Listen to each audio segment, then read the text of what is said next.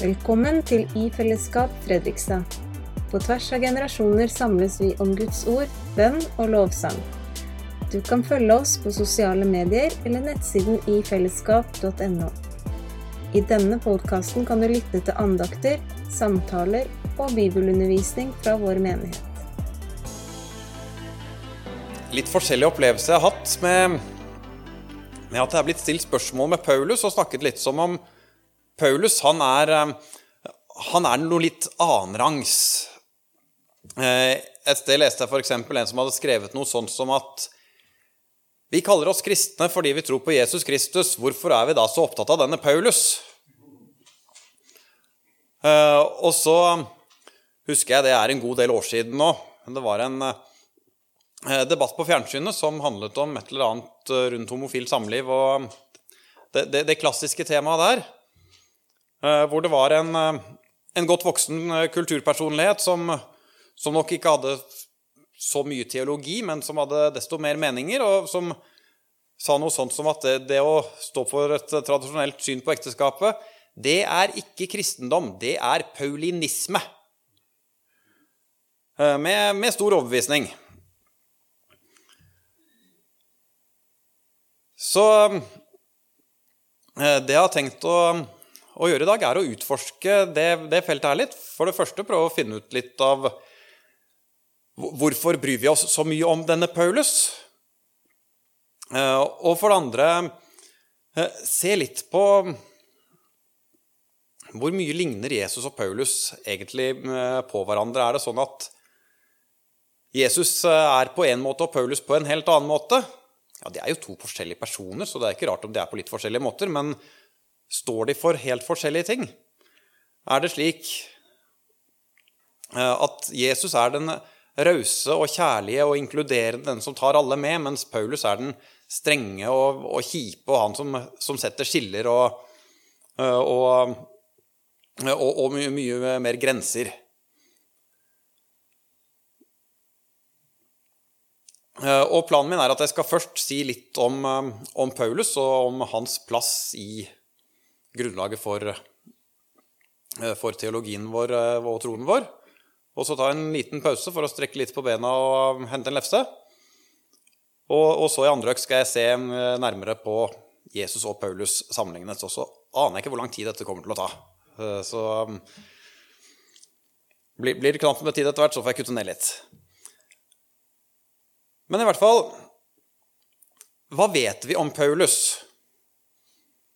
Ja, Det vi vet om Paulus, det er eh, stort sett det to personer har skrevet, nemlig Paulus selv eh, og han som har skrevet apostlenes gjerninger, som eh, det kan se ut som er evangelisten Lukas, som, som skrev en oppfølger til evangeliet for å si noe om hva, hva skjedde etterpå.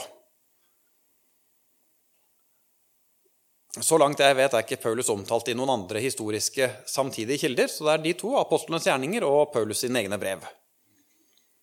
Og Paulusbrevene er jo også, noen av, dem, noen av dem er omstridt. Syv av dem er de fleste enige om at dem har Paulus skrevet. Seks av dem er det litt mer diskusjon rundt. Jeg skal ikke ta den nå. tenker at Vi legger til grunn at de 13 Paulusbrevene som, som bærer Paulus sitt navn, det er det, det, er det jeg tar utgangspunkt i nå som, eh, som kilden til, eh, til, Paulus og hans teologi. Paulus forteller om seg selv i Apostlenes gjerninger 22, hvor han eh, har en forsvarstale. At han er født i Tarsos i Kilikia. Kilikia det ligger i Lilleasia, sånn, i det som er Tyrkia i dag. Sørøst, litt nordover og til høyre for Kypros. Men han hadde vokst opp i Jerusalem og opplært av Gamaliel, som var en, en gammel og, og, og høyt respektert rabbiner.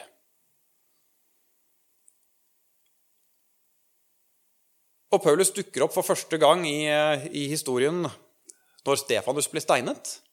Da står det at de la fra seg kappene sine ved føttene til en ung mann som het Paulus. Han, eller Saulus ble han kalt da, men uh, han går etter hvert under, under, navnet Paulus. Og Da står det at han var en ung mann. Hva det betyr, uh, blir ikke presisert nærmere, men Eh, kanskje var han eh, litt yngre enn det Jesus var. Og så er det jo litt gøy å spekulere, da. Hva gjorde Paulus før han dukker opp her ved steiningen av Stefanus? Jo, han var vokst opp i Jerusalem. Så vet vi at i Det nye testamentet, i evangeliene, så står det ganske mange steder om diskusjoner mellom eh, Jesus og fariseerne. Og det kan hende eh, at en av disse navnløse fariseerne som vi eh, møter mange av, har vært Paulus. At han har vært med i en, en flokk en gang av dem som har stilt kritiske spørsmål til Jesus. Han sier jo i første korinterbrev eh, retorisk 'Har jeg ikke sett Herren?' Underforstått 'Jo, det har jeg'. Og det gjorde han i hvert fall utenfor Damaskus. Men kanskje, spekulerte i hvert fall min gamle gresklærer, har han også sett Jesus i levende live på tempelplassen i Jerusalem eller andre steder i området der. Det vet vi ikke, men det er litt gøy å tenke på. Etter steiningen av Stefanus så kom det en vanskelig fase for de kristne, og det var ikke minst på grunn av Paulus, som satte i gang forfølgelser og fikk arrestert og fengslet mange kristne. Først i Jerusalem, eh, og så etter hvert fikk han en fullmakt til å dra til Damaskus og få utlevert og fengslet de kristne der. Men før han er framme i Damaskus, så ser altså dette merkelige utenfor byen med at han ser et stort lys og han faller av hesten, og han hører en stemme som sier, 'Saul, Saul, hvorfor forfølger du meg?' Og han spør, 'Hvem er du?' Eh, og, og stemmen svarer, 'Jeg er Jesus, han som du forfølger.' Men gå nå inn i byen.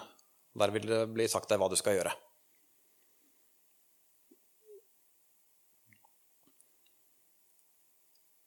Og den, eh, den hendelsen er beskrevet tre ganger i Apostlenes gjerninger. Første gang eh, der det passer i historien, og to ganger til dessuten at Paulus gjenforteller den eh, når han forsvarer seg mot slutten av fortellingen.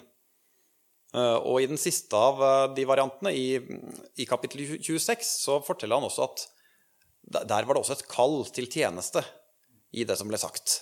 De stemmer ikke helt overens med hverandre. Men, men, sånn er det noen ganger. Hvis du skal fortelle den samme historien tre ganger i forskjellige settinger, så kanskje du legger vekt på litt forskjellige ting hver gang.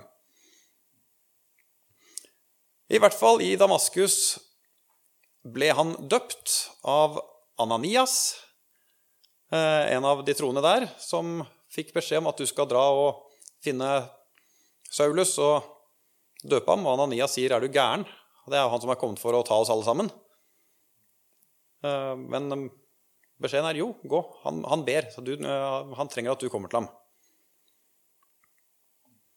Uh, og, og, omtrent det første som skjer, er at Paulus blir døpt. Og Så dukker han opp i synagogene i Damaskus, og de har kanskje visst at han skulle komme, og sett fram til at han som skulle få litt ordentlig skikk på sakene, skulle dukke opp. Men han gir seg da til å forkynne at Jesus er Guds sønn, Messias. Så det ble ikke helt det de hadde ventet. Så han blir ganske upopulær og må flykte fra Damaskus. Drar tilbake til Jerusalem. Eh, apostlene der er først veldig skeptiske til ham, men ved hjelp av en som heter Barnabas, så blir han tatt inn i eh, selskapet der også og, og, og blir tatt godt imot. Men det går ikke bedre enn at han må flykte derfra også pga. lokal motstand. Og det står at han reiser til Tarsus. Og så dukker han opp igjen i Antiokia, noen kapitler senere. Og der blir han sendt ut som misjonær sammen med Barnabas. Og I kapittel 13-20 i Apostlenes gjerninger leser vi om de tre misjonsreisene som Paulus gjennomfører. Rundt om i det østlige middelhavsområdet. Han kommer til Kypros, han kommer til Lilleasia, han kommer til Hellas. Eh, og dette er en god tid å være misjonær på. Eh, sånn med tanke på, på omgivelsene og forutsetningene rundt. Eh, for eh, eh, rundt om i dette store området så skjønner de fleste gresk. Du trenger ikke et nytt språk for hvert nye sted. Det er gode veier, for romerne de har en stor hærstyrke som driver rundt, særlig på grensen av riket, for å holde, holde fred og orden. Og de må kunne forflytte seg enkelt og greit, så det er bygd et godt veinett rundt i Romerriket. Og det er også mye skipsfart. stadig korntransport fra, fra Egypt til Roma, f.eks. Og det kan se ut som at da, når Paulus på et tidspunkt blir ført som fange til Roma, da, da blir han fraktet på et sånt kornskip som er på vei fra eh, Egypt. Det Paulus gjør når han kommer til et sted, er at han Som regel leser vi at han oppsøkte synagogen. Eh, I disse kapitlene er det gjengitt 14 forskjellige enkeltfortellinger om ting som skjedde steder hvor Paulus var. Og i ni eller ti av dem står det at han oppsøkte synagogen. Det var der var det naturlig å starte. Der var det folk som kjente til de gamle skriftene, og som eh, hadde en tanke om at det skulle komme en Messias en gang. Så det var naturlig at han gikk dit først. Det som ganske ofte skjer da, er at han blir kastet ut. For de skjønner at det han forkynner, det er ikke noe de kan stå inne for. Men så er det sånn at i synagogene rundt i det østlige Middelhavet, der er det For det første er det jo jøder som holder til og går i synagogen. Men det er også en gruppe der leser vi om flere steder som blir kalt for gudfryktige hedninger. Eh, og det er eh, mennesker som, som har eh, sympati med jødedommen, som kanskje har lest de gamle skriftene, kanskje tror på jødenes gud, men de har ikke tatt skrittet fullt ut og konvertert til jødedommen. Og det kan jo være grunn til å tro at for, i hvert fall for en del av mennene her så var omskjærelse noe av det som gjorde at de kviet seg. Det, det går det an å skjønne. De var ikke helt klare for å for å faktisk bli jøder, men de hadde sympati med jødedommen, trodde på jødenes gud. Men de var litt utafor, fordi de, de, var ikke ordentlige jøder, men de, de, var en del av dem som hang i synagogemiljøet og, og var med på det som skjedde. Men når Paulus kommer og forteller dem at Jesus er Messias, og budskapet er, blir forkynt for alle mennesker, uansett hvor de kommer fra, eller hva slags språk de snakker, eller om de er omskåret eller ikke, da er dette en gruppe som særlig spiser ørene. Eh, for de skjønner at her er det jo en åpning for at vi også kan være med fullt ut, og ikke bare som en sånn litt kjedelig nummer to i randsonen. Så Flere steder i apostlenes gjerninger leser vi om at de gudfryktige hedningene, der var det flere som tok imot eh, budskapet. Dette skapte jo da en debatt måtte man bli jøde for å bli kristen. For i begynnelsen var det jo jøder som ble kristne. Disse 3000 som ble døpt på pinsedagen, det var jøder som var kommet til Jerusalem i forbindelse med høytiden. Etter hvert sprer budskapet seg også til hedninger som begynner å tro på Jesus. Hva gjelder da for dem? Må de også inn i hele det jødiske systemet med omskjærelse og Mosloven og det som er? I Apostlenes gjerninger kapittel 15 leser vi om at eh, de holdt et møte i Jerusalem hvor eh, både Peter og Jakob og Paulus og Barnabas og flere var med og diskuterte det her. De kom fram til, ikke minst fordi Paulus kunne fortelle om de tegn og under som har skjedd der hvor hedningene kommer til tro, som et tydelig bevis på at de har fått Den hellige ånd, de, de har fått en tro som er like så god som noen annen. De kom fram til at det skal ikke stilles noe krav til, eh, til dem annet enn å ta imot Jesus. De blir frelst av Herrens nåde. Bare fire ting som eh, vi sier. For det første, de skal holde seg borte fra avgudsdyrkelse. Det kan vi skjønne. For det andre, de skal holde seg borte fra hor. Det kan vi også skjønne. Og så skal de holde seg borte fra kjøtt fra kvalte dyr og fra blod. Og Det er kanskje litt vanskeligere å skjønne. Ja, Kjøtt fra kvalte dyr er kanskje best når det er slaktet ordentlig. Men, eh, men, i hvert fall de to skjønner vi at det handlet om å unngå å provosere jødene. For det var ting som eh, stred mot jødenes skikker. og Altså, ja, det, det, er ikke ukristelig i seg selv å spise mm, blod eller kjøtt av kvalte dyr, men bare ikke provoser dem hvis du ikke må, var nok tanken bak det.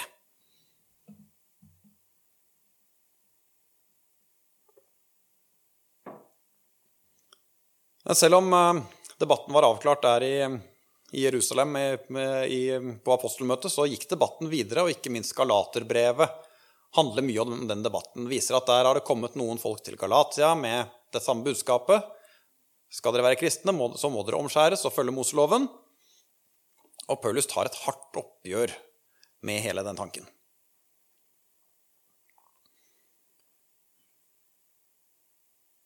Så blir Paulus eh, etter tre misjonsreiser arrestert i Jerusalem. Han blir satt i fengsel. Det, han blir gjenstand for en omfattende rettsprosess som trekker ut i tid. Han anker til slutt saken sin innenfor keiseren i Roma. Paulus er nemlig romersk borger, og det fører med seg en del rettigheter, bl.a. retten til å uh, anke en sak innenfor keiseren.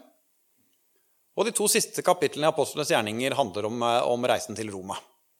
Og så stopper det sånn litt brått uten egentlig noen ordentlig avslutning.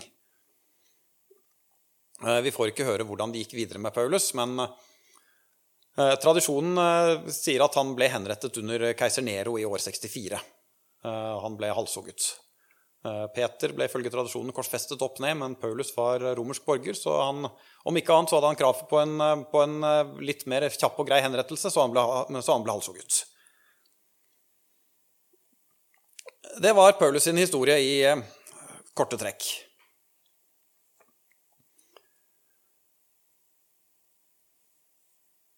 Men jeg skal gå litt tilbake til Damaskus-opplevelsen. Den må vi si litt om.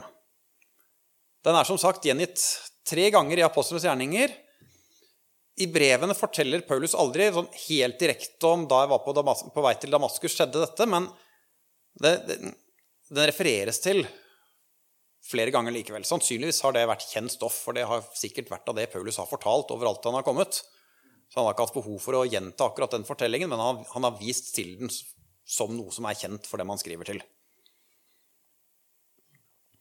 F.eks. i Galaterbrevet skriver han at dere har jo hørt hvordan jeg tidligere for fram som jøde, hvor voldsomt jeg forfulgte Guds kirke og forsøkte å utrydde den. Jeg gikk lenger i min jødedom enn mange jevnaldrende i mitt folk og brant enda sterkere av iver for overleveringene fra fedrene. Men Gud, som utvalgte meg allerede i mors liv og kalte meg ved sin nåde, besluttet i sin godhet å åpenbare sin sønn for meg, for at jeg skulle forkynne evangeliet om ham for folkeslagene. Hva er det egentlig som skjer i Damaskus-opplevelsen? Hva, hva, hva, slags opplevelse er det egentlig? Det ligner jo på en måte på en del gammeltestamentlige fortellinger om et kall, hvor Gud henvender seg til en person og sier, 'Du, jeg har et oppdrag til deg. Nå skal du høre.' Og et kall er det helt eh, klart i det. Det er et oppdrag som Paulus får.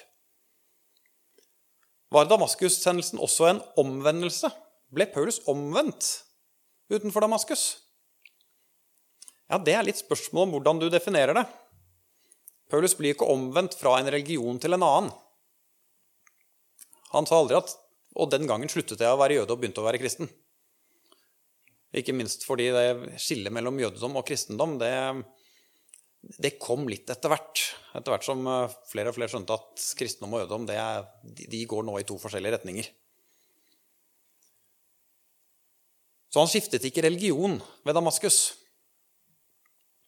Men det skjedde noe med ham likevel. Det var et veldig tydelig før og nå med den hendelsen. Eh, han begynte å tenke på en annen måte, han begynte å tro på en annen måte, og han begynte å gjøre andre ting. For før var Paulus først og fremst ivrig for loven, som den gode fariseer han var. Nå ble han ivrig for evangeliet om Jesus. Og før var han forfølger, nå ble han forkynner. Før var det synagogefellesskapet som var hans eh, åndelige familie, men nå var det det kristne menighetsfellesskapet. Og vi skjønner at Damaskus-opplevelsen det det er, virkelig den skjellsettende opplevelsen i, i, Paulus sitt liv. Det skjønner vi både i apostlenes gjerninger og i, eh, i, brevene. Han har møtt Jesus. Han har fått et kall direkte fra Jesus. Eh, og, og, vi ser også det at selv om Paulus på mange måter kan virke som en litt sånn tørr teoretiker, så er erfaringer viktig for ham. På apostelmøtet så viste han til litt tegn og under som hadde skjedd der han forkynte evangeliet for hedningene. Og erfaringen av det møtet med Jesus utenfor Damaskus er for ham et tegn på at jo, dette jeg driver med, det er riktig. Det er ikke noe jeg har funnet på selv, det er et oppdrag jeg har fått fra Herren. Og Han får jo da selvfølgelig også et helt nytt syn på Jesus. Før hadde han sannsynligvis tenkt Jesus litt i samme kategori som de falske profetene som dukker opp her og der i Det gamle testamentet. Men han skjønner jo det at en som kan vise seg for ham i en himmelsk visjon, er ikke en falsk profet. Det at han får se Jesus på den måten, det er himmelens bekreftelse på at dette er en du skal høre på. Og så er dette et møte med Guds nåde. Det ser du i teksten jeg har på skjermen nå.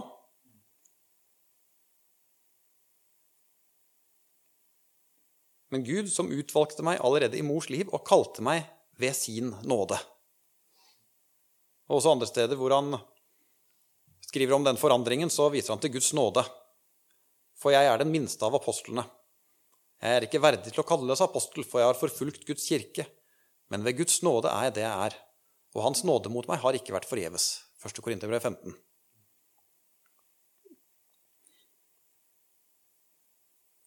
Og 1. Timotius 1 Jeg takker Han som gjorde meg sterk, osv., osv. Og, og, og Vår Herres nåde har vært overstrømmende rik og har gitt meg tro og kjærlighet i Kristus Jesus.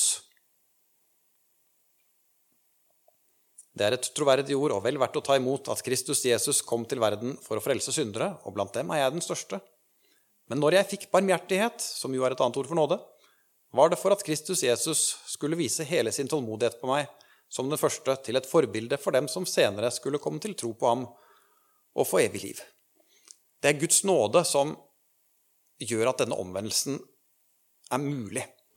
Du har på den ene siden den ivrige fariseeren, på den andre siden den ivrige misjonæren som forkynner Jesus. Hva har skjedd imellom? Jo, det er møtet med Guds nåde.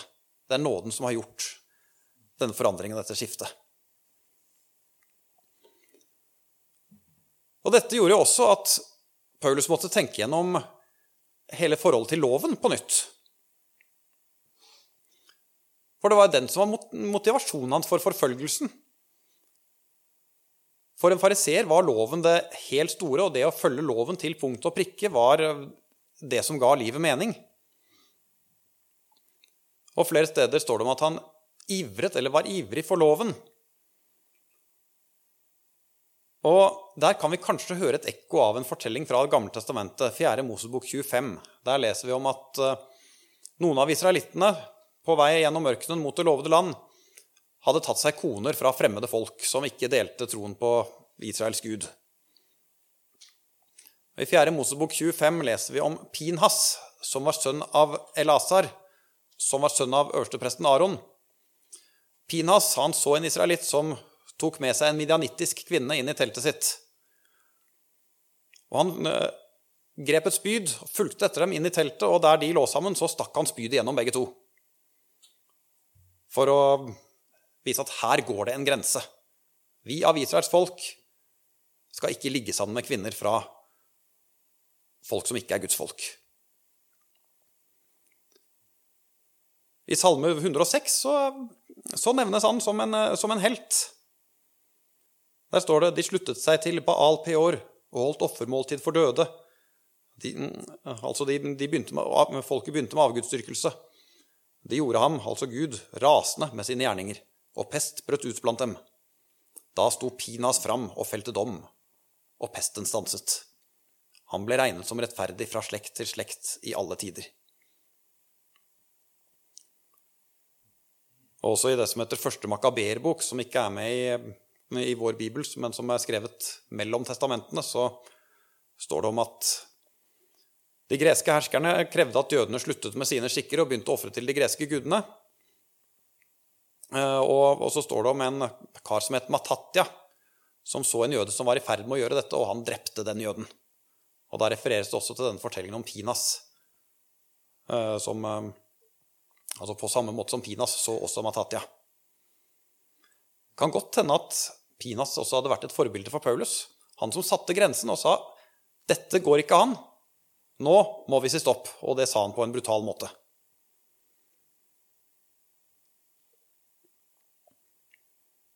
Men denne iveren for loven det var den som hadde drevet ham til å forfølge de kristne. Men når han nå har møtt Jesus og skjønt at det er Guds sønn, det er Messias han har forfulgt, da må han begynne å tenke gjennom loven også. På nytt.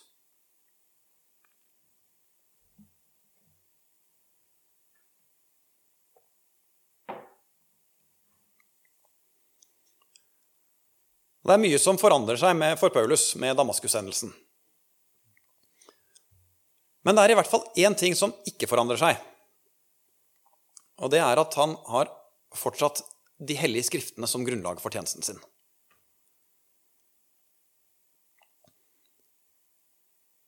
Det, det, er to ting som går igjen som grunnlag for Paulus' sin tjeneste. Det er møtet med Jesus utenfor Damaskus, som var det nye.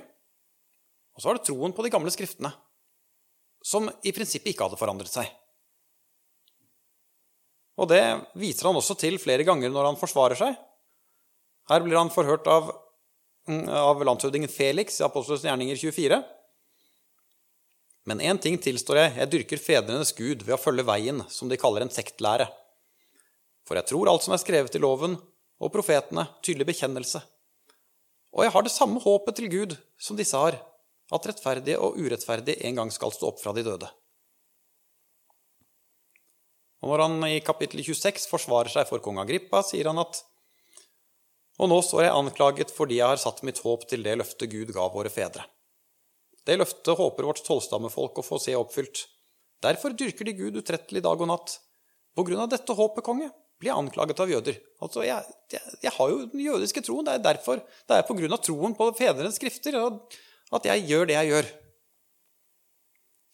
Og når han kommer til Roma i kapittel 28 og møter jødene der, så sier han at av denne grunn har jeg bedt dere komme hit, for at jeg kan treffe dere og tale med dere.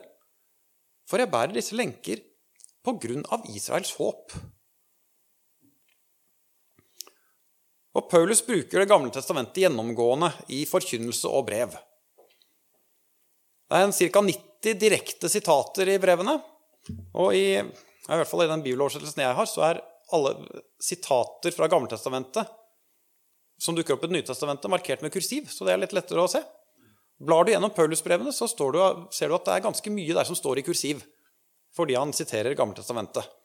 Og I tillegg til direkte sitater så er det masse indirekte henvisninger, eller allusjoner, som det kalles, hvor vi skjønner at han, han spiller på noe fra Gammeltestamentet uten å, å sitere direkte. Leser du Romerbrevet, så er Det gamle testamentet helt sentralt når han forklarer rettferdiggjørelsen ved tro.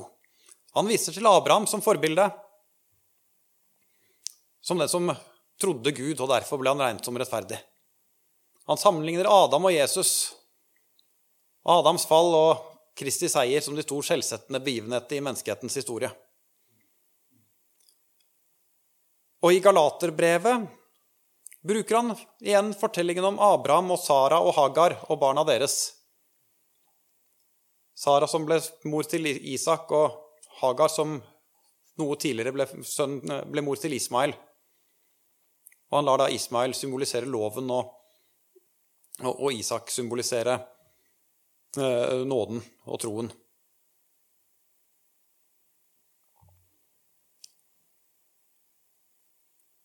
Han tror fortsatt på de gamle skriftene, men de har fått et nytt sentrum for han. Sentrum er ikke lenger loven, sentrum er nå Kristus. Og I 1. Korinterbrev 15 skriver han om, om eh, Jesu oppstandelse. Og Der ramser han opp en, en masse vitner som har sett Jesus. Han viste seg for Kefas, og deretter for de tolv, og deretter for mer enn 500 søsken på en gang. Og så for Jakob, og så for alle apostlene, og aller sist for meg. Men før han gir seg til å ramse opp vitnene, så sier han For først og fremst overga jeg til dere det jeg selv har tatt imot, at Kristus døde for våre synder etter Skriftene, at han ble begravet, at han sto opp den tredje dagen etter Skriftene. Og vi kan ane her at for Paulus er det ikke bra nok med vitneutsagn, selv om det er for all del flott at mange har sett Jesus levende. Men det er også et viktig poeng at det som skjedde, det var etter Skriftene.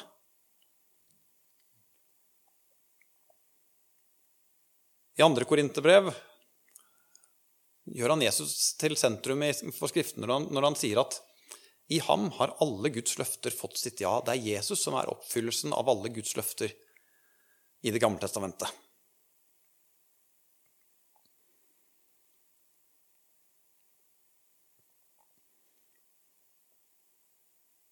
Vi kan si at Paulus sin autoritet som apostelen hviler på to søyler. Det er, det er, to ting som er begrunnelsen for at Paulus har den posisjonen han har. Det er for det første at han er kalt til aposteltjeneste av Jesus selv, og dessuten at han ble godkjent av de andre apostlene. Og for det andre at han bygger teologien sin på fedrenes skrifter. Det er der Paulus selv henter sin autoritet fra. De gamle skriftene, som han flere ganger viser veldig tydelig at dem tror han på, og dem bygger han på, og samtidig kallet fra Jesus utenfor Damaskus. Og vi ser i flere av brevene at Paulus må forsvare seg. Og han må begrunne hvorfor de skal høre på ham.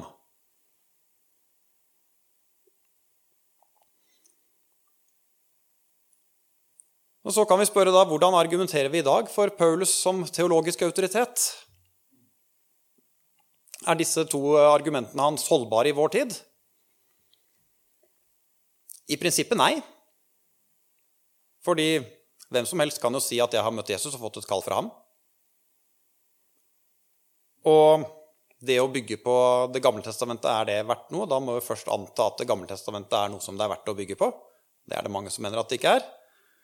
Så det, det er ikke nødvendigvis slik at de to grunnene er tilstrekkelige i dag. Men likevel, de, de har noe for seg. Altså, Paulus som, som teologisk autoritet innenfor kristendommen Hvis det er slik at han tjener den samme Gud som har åpenbart seg i Det gamle testamentet, da må vi kunne vente at det er en type kontinuitet mellom det han skriver og, og sier, og det som står i Det gamle testamentet. Og kallet fra Jesus Ja, i hvert fall hvis vi da først forutsetter troen på Jesus, så har jo det også en viss tyngde. At Jesus selv ga ham et oppdrag. Og dessuten så betyr Kirkens tradisjon ganske mye også. Eh, da de eh, noen generasjoner etter Paulus måtte begynne å avklare hvilke skrifter er det egentlig som er de hellige skriftene, i tillegg til, til Gammeltestamentet, da var det bl.a. et poeng at disse skriftene måtte være, ha vært i bruk i menigheter som apostlene hadde grunnlagt, for å vise at de, de var i kontinuitet med apostlenes lære. For det var andre grupper også som sa at vi har et hemmelig budskap fra Jesus som, som ikke er blitt forkynt offentlig, men vi har fått vite det, og kom hit, så skal du også få høre om det. Da måtte jeg svare at ja, hvis det skulle finnes noe hemmelig lære fra Jesus, hvor skulle vi vente å finne den? Jo, det måtte jo være hos Jesu apostler, hos hans nærmeste. Og siden de alle sammen er døde nå, så måtte vi da kunne vente og finne, dem, finne den i menighetene som apostlene hadde grunnlagt. Men det vi finner der, er en lære som ligner på den eller som er i tråd med den som vi finner i Paulus sine brev og i evangeliene og de, de andre skriftene våre. Og det er ikke noe som tyder på at Paulus var omstridt blant apostlene. At Paulus hadde sine kritikere. Men han ble tatt imot av apostlene. Av Peter og av Johannes og av Jakob, som ikke var Johannes sin bror, for den Jakob ble henrettet ganske tidlig men den Jakob som var Jesus sin bror, og som ble leder for menigheten i Jerusalem. Eh, og i andre Peters brev står det at Ja, nå har jeg klippet feil i sitatet her. Eh, skulle hatt med verset før også. Jeg blar det opp sånn at det blir riktig.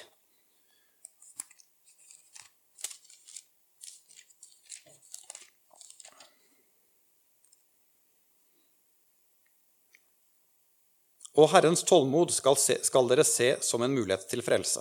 Det samme har jo også vår kjære bror Paulus skrevet til dere, ut fra den visdom som er gitt ham.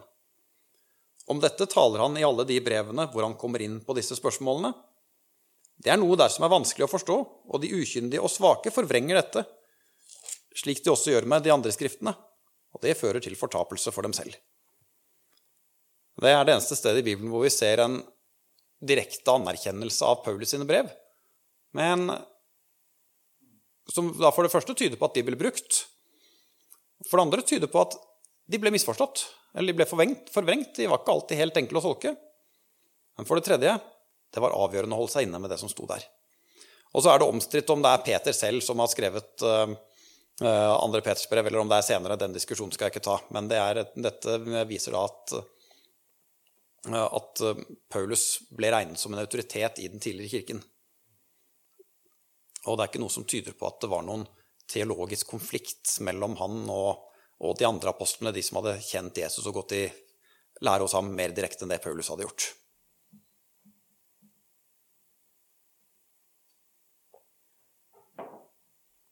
Ja, Så det å bygge på Paulus sine skrifter og på hans uh, undervisning og hans lære Er det sånn at det er ikke kristendom, det er paulinisme? For det første, da kan du si det om alt annet i Nyttestamentet også. Dette er lukanisme, kan vi si om det som står i Lukas' evangeliet og, og apostlenes gjerninger. Og Lukas var jo nær medarbeider av Paulus, så de var sikkert mye på linje. Eh, Paulus og Lukas er vel de som har skrevet mest i Det nye testamentet.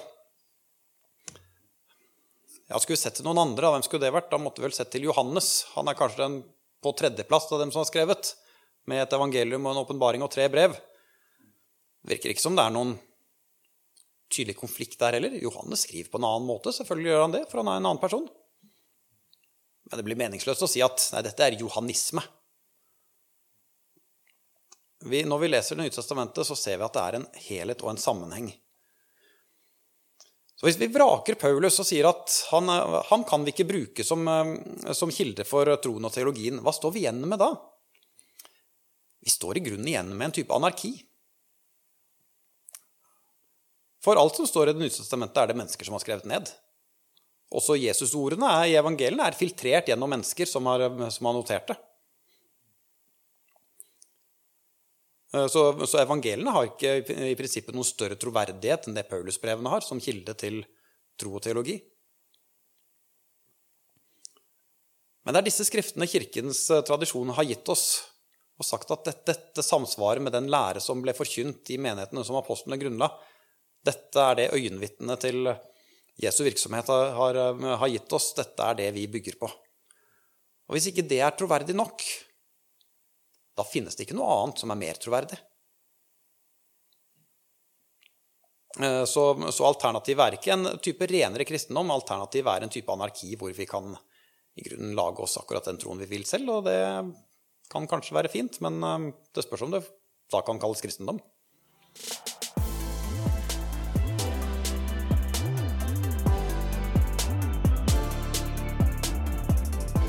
Takk for at du har hørt på podkast fra I Fellesskap Fredrikstad. Vi håper det blir til velsignelse for deg. Vårt mål er å finne de som søker, og bevare de som tror. Sammen vil vi dele livet, tjene hverandre og vokse som Jesu etterfølgere, medvandrere og fellesskap. Velkommen tilbake.